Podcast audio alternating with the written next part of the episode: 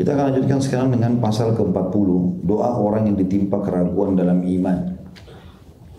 Jadi hal yang paling mahal bagi seorang muslim adalah imannya, keyakinannya kepada Allah SWT. Makin kental keyakinan itu, maka makin besar efeknya, gitu kan? Dalam kehidupan kita, dalam kehidupan kita, kita bisa jujur, amanah, tanggung jawab, selalu baik sama orang karena keimanan. Kita juga bisa terjerumus dalam pelanggaran-pelanggaran zina, riba dan seterusnya selama iman kita kendor, gitu kan? Bahkan bisa sampai pada tingkat kekufuran kalau dia tidak kembali memicu supaya kembali kepada level iman yang pertama gitu. Pemahaman ahli sunnah wal jamaah iman itu bertambah dengan ketaatan berkurang dengan kemaksiatan. Nah sering kali syaitan datang untuk membuat was-was dalam iman itu. Dan perlu kita garis bawahi ya, kalau syaitan itu hanya menunggangi potensi buruk dalam diri kita. Syaitan tidak kuat, sangat lemah. Saya beberapa hari lalu sempat baca artikel, menarik artikel itu. Judulnya itu, siapakah yang menggoda iblis pada saat Allah suruh sujud kepada Adam dia nggak mau sujud. Kan yang goda kita syaitan. Pemimpinnya syaitan siapa? Iblis. Baik waktu iblis tidak mau sujud, siapa yang goda dia? Dirinya sendiri. Jadi Allah menyebutkan tentang jiwa, baik itu jin maupun manusia. Allah berikan ruh, maka Allah mengatakan fa'alhamaha fujuraha wa taqwaha. Allah berikan potensi berbuat buruk, potensi berbuat baik. Jadi selalu bergejolak itu. Kalau kita lagi mau buat kebaikan, maka potensi dalam diri kita bergejolak. Kerjakan, yang satu mengatakan jangan kerjakan. Tergantung kita ikut yang mana. Syaitan melihat potensi itu. Kalau kita punya potensi ingin mengerjakan, dia lemahkan. Dia coba dukung potensi buruknya. Contoh misal tadi teman-teman waktu mau sholat duhur di sini. Tentu gejolak pasti dalam jiwa. Sholat gak sih?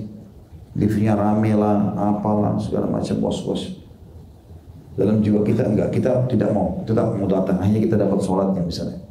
Majelis ini mau hadiri gak sih? Ah lebih baik saya duduk nongkrong minum kopi. Enggak, kita ikut potensi positif kita. Maka di syaitan tidak bisa buat apa-apa karena dia cuma mengikuti potensi itu. Jadi sebenarnya kita bagaimana mengontrol diri kita saja. Yang dari luar ini gak ada pengaruhnya sama sekali. Masalahnya di kita. Bayangkan teman-teman kalau jiwa kita bahagia, tentram, tempat sempit pun rumah gubuk enak. Kalau jiwanya sempit, bermasalah, biar rumahnya seluas apa pun, banyak pelayan-pelayannya, bumi jadi sempit buat dia. Jadi sebenarnya dalam diri kita itu. Makanya salah satu zikir bagi petang yang pernah kita pelajari, Allahumma inni a'udzubika min syarri nafsi wa min syarri syaitanin wa syirki. Ya Allah jauhkan aku dari keburukan diriku sendiri, potensi negatif itu. Baru jauhkan aku dari keburukan syaitan dan sekutunya. Jadi syaitan menunggang itu saja. Maka itu teman-teman sekalian, kita harus betul-betul meredam potensi buruk itu dengan potensi yang baik. Tentu ini dengan cara belajar agama. Kita jadi terdorong untuk berbuat baik, kita jadi takut untuk berbuat keburukan. Jadi syaitan tidak ada celah untuk menunggangi potensi buruk itu. Nah kalau seandainya ada orang ditimpa keraguan-raguan, ada beberapa poin yang dianjurkan dia untuk jaga. Yang pertama hendaklah dia memohon perlindungan kepada Allah. Sebagaimana hadis Bukhari jilid 6 halaman 336, Muslim jilid 1 halaman 120. Seperti biasa, ya Allah lindungi aku, jagalah imanku. Salah satu doa Nabi SAW adalah Allah mahabbib ilainal iman. Ya Allah cintakanlah keimanan itu pada kami. Wa zayyinhu fi qulubina dan hiasilah di hati-hati kami.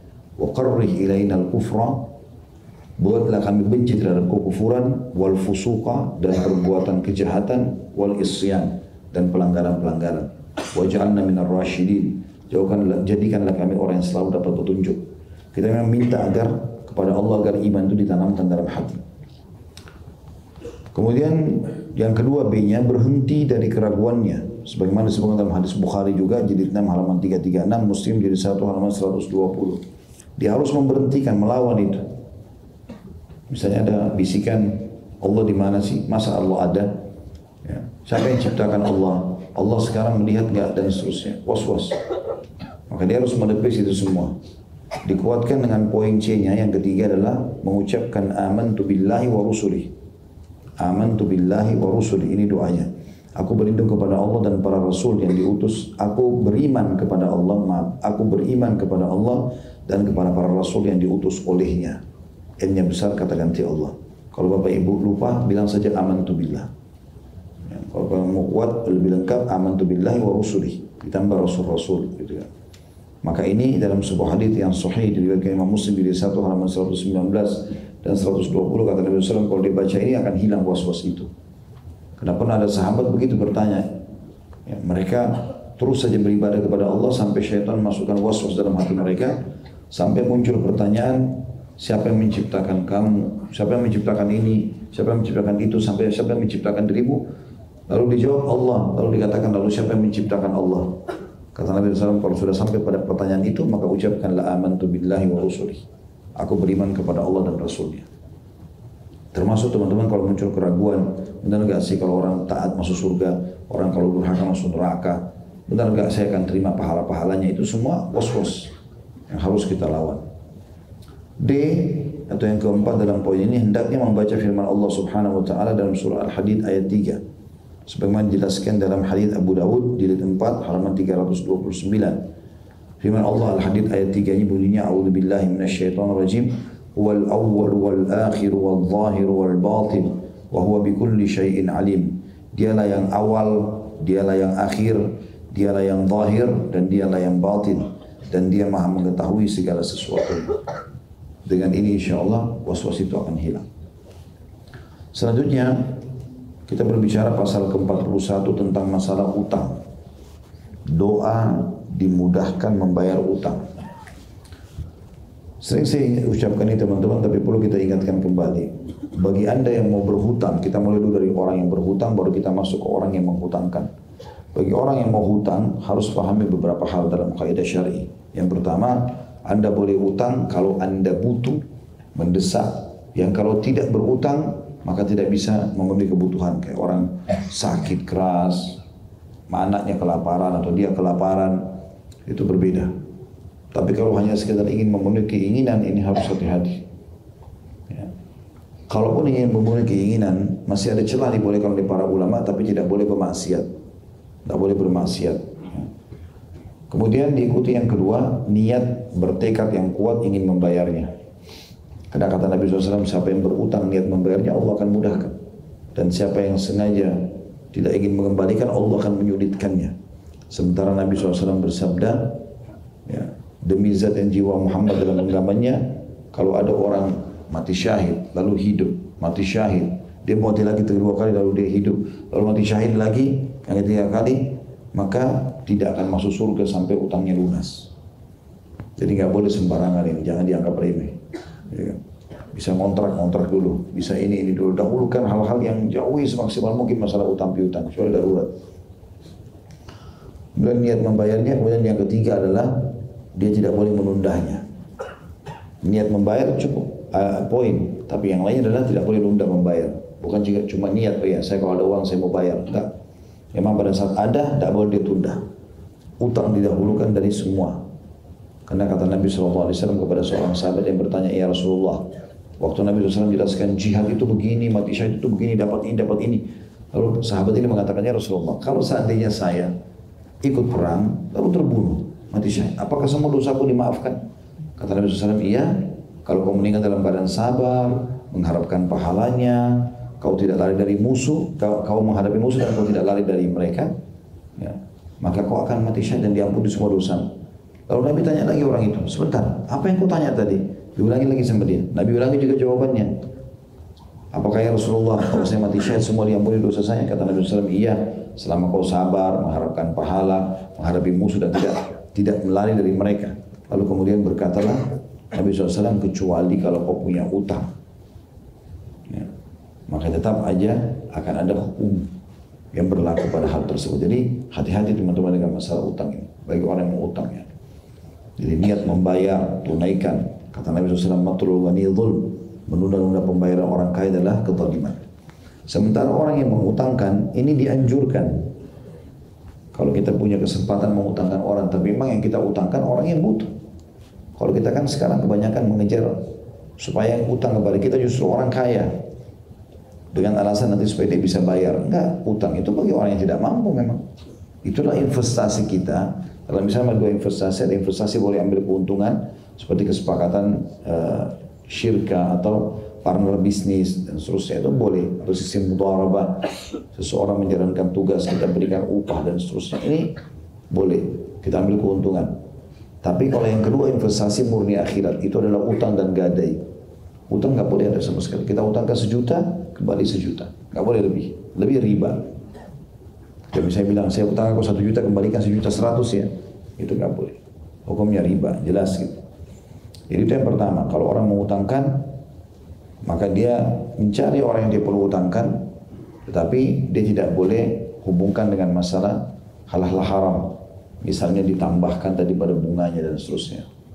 Kemudian juga yang kedua dia dianjurkan selain mengutangkan memberikan tenggang waktu. Kalau tidak belum mampu dibayar atau bahkan memaafkannya. Kata Nabi SAW siapa yang mengutangkan orang kemudian dia memberi mengutangkan orang atau memberikan tenggang waktu atau memaafkannya. Jadi keadaannya memberikan utang sendiri sudah pahala, kalau kita berikan tenggang waktu juga pahala, apalagi kalau kita maafkan selama kita tahu orang itu tidak mampu misalnya. Maka kata Nabi SAW, dia akan dapat naungan Allah pada hari kiamat, tidak ada naungan kecuali naungannya. Itu pahalanya besar sekali, orang lagi kepanasan di mahsyar, kita selamat karena mau memberikan utang kepada orang lain. Juga ada hadis Nabi SAW yang mulia kata Nabi SAW semua orang yang paling baik di sisi Allah adalah orang yang paling bermanfaat bagi manusia. Dan ketahuilah amal yang paling Allah cintai adalah kegembiraan yang kau masukkan ke dalam hati saudaramu muslim. Atau kau melunasi utangnya, kau hilangkan rasa laparnya. Dan ketahuilah Allah akan terus bersama dengan seorang hamba selama dia berada memenuhi hajat saudaranya. Jadi banyak sekali manfaatnya. Sekarang kalau ada orang punya utang dan dia khawatir dia tidak bisa membayarnya misalnya, atau dia memang dasarnya minta supaya Allah tolong dari awal untuk membayarnya, maka ini doanya. Ini hadis yang mulia riwayat Tirmidzi jilid 5 halaman 560 dan juga disebutkan dalam Sahih At-Tirmidzi jilid 3 halaman 180 dan Ibnu Abbas berkata radhiyallahu anhu Siapa yang membaca doa ini, dia rutinkan, maka Allah akan lunasi utangnya walaupun memenuhi langit. Jadi bukan cuma utang sekian juta, sekian ratus juta, sekian miliar. Utangnya memenuhi langit akan Allah lunasi. Asal dia baca ini. Allahumma kfini bihalalika an haramik wagnini bifadlika amman siwak. Ini doa yang sangat pendek. Allahumma kfini bihalalika an haramik artinya ya Allah cukupkanlah aku dengan rezekimu yang halal dari yang haram. Artinya yang masuk padaku hanya yang halal saja. Wagnini atau wagnini bifadlika amman siwak dan cukupkanlah aku dengan karuniamu agar tidak membutuhkan dari selainmu. Ini hadis sahih tadi sudah kita sebutkan dan ini adalah cara yang terbaik dan termudah untuk membayar utang-utang. Allahumma kfini Allahumma kfini bihalalika an haramik wa min fadlika amman siwa. Juga doa yang kedua, Allahumma inni a'udzubika minal hammi wal hazan wal ajzi wal kasal wal bukhli wal jubn wa dala'id daini wa ghalabatir rijal. Ya Allah, sungguhnya aku berlindung kepadamu dari duka dan kesedihan. Alham artinya duka yang dalam. Berhari-hari, berbulan-bulan, bertahun-tahun terbawa. Namanya ham. Juga al-hazan, kesedihan yang datang sepintas. Sedih tapi nanti akhirnya hilang juga gitu kan. Kemudian wal az dan aku berlindung kepadamu dari kelemahan supaya aku tetap kokoh bisa berjalan dibantu orang atau tidak dibantu orang tetap kita bisa mandiri wal kasal dan juga sifat malas ya, ini Islam memerangi semua sifat-sifat ini orang yang merasa dirinya lemah putus asa, tidak bisa. Ini semua tidak ada dalam kamus seorang muslim. Dia harus coba. Pada bahasa Arab mengatakan jarib ta'rif, coba kau akan tahu. Coba dulu. Setelah dicoba ikhtiar, tidak bisa juga, ya sudah. Gitu kan. Itu pun kata-kata tidak bisa kita hanya mengeluarkan kalau sudah tertutup pintunya secara syar'i. Misal seorang laki-laki melamar seorang wanita, dia tahu ini wanita saleh, Mungkin dia lamar pertama ditolak, yang sudah dia melamar yang kedua. Dia coba ikhtiar. Kecuali sudah tutup secara pintu syar'i, misalnya dia sudah nikah sama laki-laki lain. Karena kalau istri orang nggak mungkin kita lamar gitu kan. Contoh saja. Maka seperti itu dan terus dia ikhtiar. supaya Allah Subhanahu wa taala berikan kepada dia. Itu termasuk bagian daripada syariat dan tidak boleh ajiz, lemah, ya, merasa diri tidak mampu dan kasal, merasa malas. Malas ini penyakit yang menghancurkan individu dan menghancurkan keluarga, menghancurkan semua tatanan masyarakat. Makanya Islam mengajukan agar semuanya bergerak. Coba lihat ibadah-ibadah kita. Sholat ada gerakannya kan. Bisa saja orang duduk, baca. Enggak. Berdiri, buku, tidak, sujud, bergerak. Coba lihat haji dan umrah. Haji, ada tawaf, jalan. Tujuh kali, ada sa'i, jalan antara Safa dan Marwah. Haji itu pergi melontar dari kemah ke Mina, bergerak. Banyak orang subhanallah yang ikut sama kami sakit tadinya. Begitu umrah sehat. Bergerak. Gitu kan. Agama Islam adalah agama yang bergerak. Tidak ada jauh. Sifat malas ini diperangi. Kalau sudah muncul rasa malas dalam diri antum lawan. Allah bergerak. Kemudian juga kebakilan, al-bukhul. Sudah sering kita jelaskan ini. Pelit, penyakit jiwa. Harus teman-teman dilawan dengan cara royal. Terus bersedekah. Terus Subhanallah bersedekah itu menghilangkan sifat bakhil, membantu orang lain, mendapatkan pahala besar, investasi terbaik untuk mendatangkan harta. Kalau usah cari yang lain, kotak amal itu, orang-orang miskin. Itu sudah cukup untuk datangkan rezeki. Dan juga al-jubun, sifat pengecut, yang saya bilang tadi ya. Tidak boleh sama sekali kita pengecut, lari dari medan perang, tidak mau menuntut hak kita, ya Kemudian juga dala'id dain, terlilitnya hutang dan ini yang kita maksudkan tadi saksi bahasan kita. Wa dala'id dain dan himpitan hutang. Semua hutang dianggap himpitan karena begitu kita utang mulai hari itu sampai kita bayar kita seperti dalam himpitan tidak bisa bergerak mau ke mana-mana kita seperti dipantau oleh pemilik uang itu dan kalau teman-teman ikhlas niat mau membayar ada kisah seorang salafus saleh dia datang kepada seseorang dulu lalu dia mau utang. Kalau dia mau pulang ke negerinya, tidak ada duit. Dia datang kepada seorang muslim yang lain setelah salam lalu dia mengatakan, saya mau utang kalau saya mau pulang ke negeri saya. Kata orang itu, saya siap utang tapi saya ingin saksi. Siapa saksi di antara kita? Kata orang yang punya uang itu, Allah jadi saksi di antara kita. Kata orang yang punya uang, baiklah kalau kau jadikan Allah sebagai saksi, saya terima. Udah, dikasih duit, intinya pulang dari ke negerinya, waktu yang sudah disepakati akan dibayar utang. Ini dalam hadis riwayat Bukhari kalau tidak disebutkan ini. Lalu kemudian pada saat hari di mana dia harus bayar utang, uang itu dititipin di kapal, kapal itu akan pergi ke negeri tempat pemilik piutang tadi. Rupanya hari itu subhanallah mendung, ombak, kapal nggak masuk. Sementara dia kalau nggak kirim hari ini, nggak sampai tepat waktu. Karena perjalanan ke sana butuh sekian hari gitu. Maka dia bingung gimana caranya. Tunggu-tunggu kapal nggak ada ombak keras sampai menjelang malam. Akhirnya diambil inisiatif, diambil sebuah botol, ditaruhlah uang di dalam botol dengan ada tulisan. Secara kertas bunyinya, Assalamualaikum warahmatullahi wabarakatuh, saya si Fulan yang telah anda utangkan beberapa waktu yang lalu dan sudah janji akan membayar utang saya, hanya saja hari ini kapal tidak masuk gitu kan, dan ombak besar, maka saya mengambil inisiatif mewakilkan karena Allah jadi saksi di antara kita, saya mewakilkan Allah untuk menyampaikan uang ini kepada anda. Taruh dalam botol, taruh kertas itu, lalu ditaruh di laut. Subhanallah, beberapa hari kemudian pemilik piutang tahu hari itu akan datang kapal dan sudah ada janjian hari itu kemungkinan akan dibayar uangnya.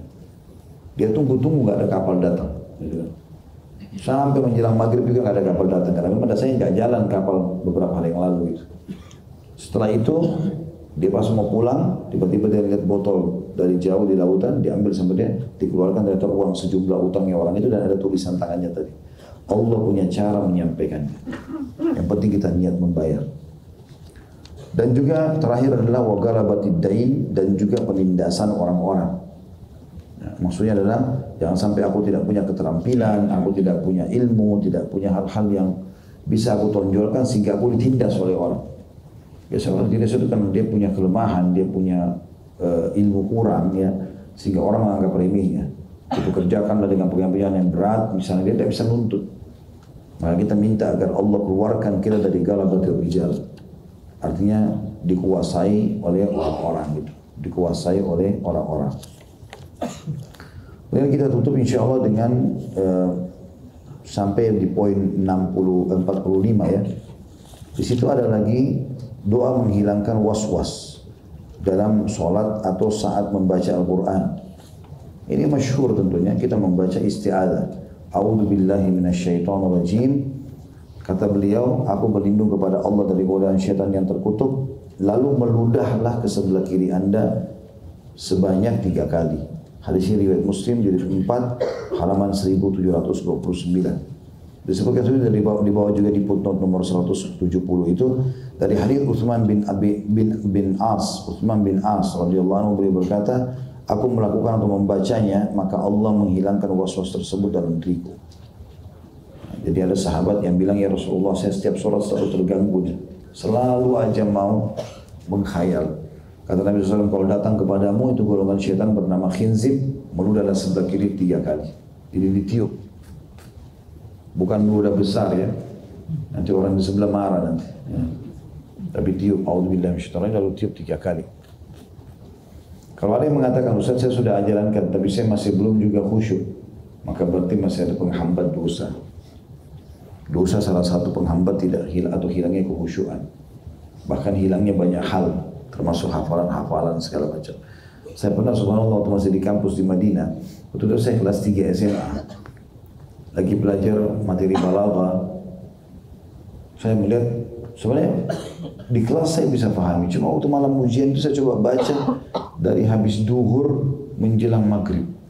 Gak paham-paham besok ujian habis isya sudah harus istirahat. Materi yang alhamdulillah bisa. Ada apa nih? Terus saya kasih gambaran teman-teman di Madinah itu gak ada bioskop, gak ada karaoke, gak ada diskotik, perempuan semuanya berhijab, kita di kampus semua laki-laki nggak ada perempuan. Hiburan kami dulu di kampus itu dari Madi, dari kampus ke Masjid Nabawi. Nggak ada yang lain. Kadang-kadang kita datangi teman-teman kita orang Indonesia yang memang sudah tinggal di sana bekerja, kadang-kadang sesekali ketemu. Tapi kebanyakan tidak tidak seperti itu. Jadi hiburan kami sekitar kampus, terlindungi lah insya Allah. Secara umum terlindungi. Tapi saya tidak bisa paham. Saya telepon teman saya waktu itu. Masih pakai telepon rumah, belum ada handphone. Itu tahun 92. Kemudian uh, diangkat sama dia, saya bilang bisa datang nggak? Dr. Muhammad Rahili, adiknya Dr. Sulaiman Rahili. Sahabat dekat saya, beliau sekarang Masya Allah udah ngajar juga di kampus kami. Waktu itu dia masih masih kuliah, masih tingkat tiga kuliah, tingkat dua atau tingkat dua kuliah di kuliah Fakultas Hadis, lebih tua dari saya. Akhi Muhammad saya bilang, datang bisa datang nggak? Datang, datang ke kampus. Apa masalahnya Khalid? Saya coba baca nggak paham-paham nih. Coba jelasin, mungkin kau bisa paham. Kebetulan memang dia Masya Allah kaum bagus nilai-nilainya. Dia bilang baik, sebelum saya jelaskan, kamu masih ada uduk? Saya bilang ada. Coba sholat sekarang, hadap kiblat sholat. Niat sholat taubat. Saya berdiri, sholat dua rakaat. Subhanallah, habis salam, itu saya sendiri alami soalnya. Habis salam saya kembali ke dia, mungkin paling lama setengah jam, satu jam, paling lama satu jam, terus setengah jam sampai satu jam, saya sudah lupa waktunya. Tapi nggak lama, sekitar satu jam, saya sudah pelajari semua buku itu dan faham Oh ternyata ada kendala di dosa-dosa ini. Padahal kalau saya kita muhasabah, dosa apa ya gitu. Padahal Madinah itu luar biasa terjaganya gitu. Bagaimana kalau kita keadaan di Indonesia sekarang? Bagaimana Allah wa'ala. Ya. Jadi kadang-kadang banyak penghambat dari situ. Gitu. Kemudian juga ada doa kemudahan. Kalau ada kesulitan, hafal ini teman-teman selalu baca. Lagi macet, lagi ini, lagi itu. Apa saja kita rasa sulit, baca doa ini. Disebutkan dalam hadis riwayat Ibnu Hibban dalam Sahih nomor 2427, Ibnu As-Sunni nomor 3000 eh, 351, Al-Hafidh juga berkata Ibnu Hajar rahimahullah, hadis ini sahih. Disahihkan juga oleh Abdul Qadir Al-Arnaud atau Arnaud dalam Takhrij Al-Adhkar milik Imam Nawawi halaman 106. Yaitu sabda Nabi SAW, Allahumma la sahla illa ma ja'altahu sahla wa anta taj'al al-hazna idha syi'ta sahla. Allahumma ya Allah, la sahla, tidak ada kemudahan illa kecuali ma ja'altahu sahla, engkau yang menjadikannya mudah. Wa anta taj'alal hazna dan engkau akan menjadikan kesedihan atau kesulitan tidak syi'ta sahla. Kalau engkau ingin akan mudah. Siapa yang baca ini dimudahkan urusannya. Apa pun itu urusannya, mau sulit, mau mau berat, mau ringan, semua dimudahkan. Allahumma la sahla inna ma ja'altahu sahla wa anta taj'al al-hazna idza syi'ta sahla. Juga termasuk pasal 44 apa yang diucapkan dilakukan orang yang melakukan satu dosa. Karena tadi kan kita bilang dosa itu bisa menjadi penghambat datangnya rezeki. Rasulullah SAW bersabda tidaklah seseorang hamba berbuat satu dosa lalu dia berwudhu dengan sempurna. Kemudian berdiri melakukan sholat dua rakaat ini yang dikenal dengan sholat taubat lalu beristighfar atau memohon ampunan kepada Allah melainkan Allah pasti mengampuninya. Hadis ini diriwayatkan oleh Abu Dawud jilid 2 halaman 86, Tirmidzi jilid 2 halaman 257. Yang terakhir yang kita bahas pada siang ini insyaAllah pasal ke-45 doa untuk mengusir syaitan dan segala bisikannya. Yang pertama masyhur sudah beristiada atau membaca a'udzubillahi minasyaitonirrajim memohon perlindungan kepada Allah dari keburukan syaitan. Ini Abu Dawud, Abu Dawud jadi satu halaman 206, juga Tirmidzi di satu halaman 77 dalam Sahih Tirmidzi. Juga lihat surah Al-Mu'minun 98 sampai 99. Ini kita baca A'udzubillah minasyaitonir Allah mengatakan wa wa uh, dalam Al-Qur'an itu wa imma yanzaghannaka minasyaitonir azkum fasta'id billah. Kalau syaitan sudah mulai menazak, nazak itu mulai membisik-bisikkan menggodamu maka fasta'id billah. Berlindunglah kepada Allah dari syaitan itu. Dan jangan teman-teman baca Umar Syaitan Rajim sambil ragu. Syaitannya pergi enggak sih? Enggak. Harus dengan keyakinan. Salah satu keunggulan umat Islam karena keyakinannya. Kemudian yang kedua mengumandangkan azan. Hadis ini riwayat Muslim di satu halaman 291, Bukhari di satu halaman 151. Sebenarnya riwayatnya lebih umum ya tentang uh, lebih khusus tentang masalah sholat. Kata Nabi SAW kalau syaitan mendengarkan azan maka dia akan lari sambil mengeluarkan angin ke tempat yang tidak terdengar azan. Kemudian setelah itu dia kembali lagi untuk menggoda orang yang mau sholat sampai diikomahkan sholat. Kalau diikomahkan dia lari lagi sampai ikomah selesai baru kemudian dia kembali menggoda lagi orang yang sedang sholat sudah kita jelaskan di bab sholat dulu itu insya Allah yang ketiga yang terakhir adalah membaca zikir-zikir dan membaca Al-Quran ini sebagaimana disebutkan Sabda Nabi Shallallahu Alaihi Wasallam, janganlah kalian menjadikan rumah-rumah kalian sebagai kuburan-kuburan. Sesungguhnya syaitan lari dari rumah yang dibacakan surah Al-Baqarah di dalamnya. Diriwayatkan oleh Muslim di satu halaman 539. Ini yang saya baca ini footnote nomor 175 ya. Kalau yang bagian buku di halaman 127 paling bawah sekali. Ada tulisan angka 175 kecil. Rasulullah SAW bersabda nyambung ke sebelah. Halaman 128 yang ditebalkan itu bagian bawah. Janganlah kalian menjadikan rumah-rumah kalian sebagai kuburan-kuburan. Sesungguhnya syaitan lari dari rumah yang dibacakan surah Al-Baqarah di dalamnya. Ya, sebagian ulama meringankan ini, mengatakan pemilik rumah membaca ataupun diputar surah Al-Baqarah. Ya, kalau teman-teman pakai parabola di rumah, ya, keluar rumah pun diputar sejak Mekah, ya, sambungan ke Mekah. Saya di rumah gitu saya pasang selalu standby Mekah sehingga kita ikuti sholatnya. Dan kalau tidak ada lagi tidak sholat lagi tidak waktu sholat maka mereka putar Al-Quran diputar terus. Ya biasanya itu beberapa kali khatam itu diulangi lagi dan seterusnya gitu. Termasuk surah Al-Baqarah ini.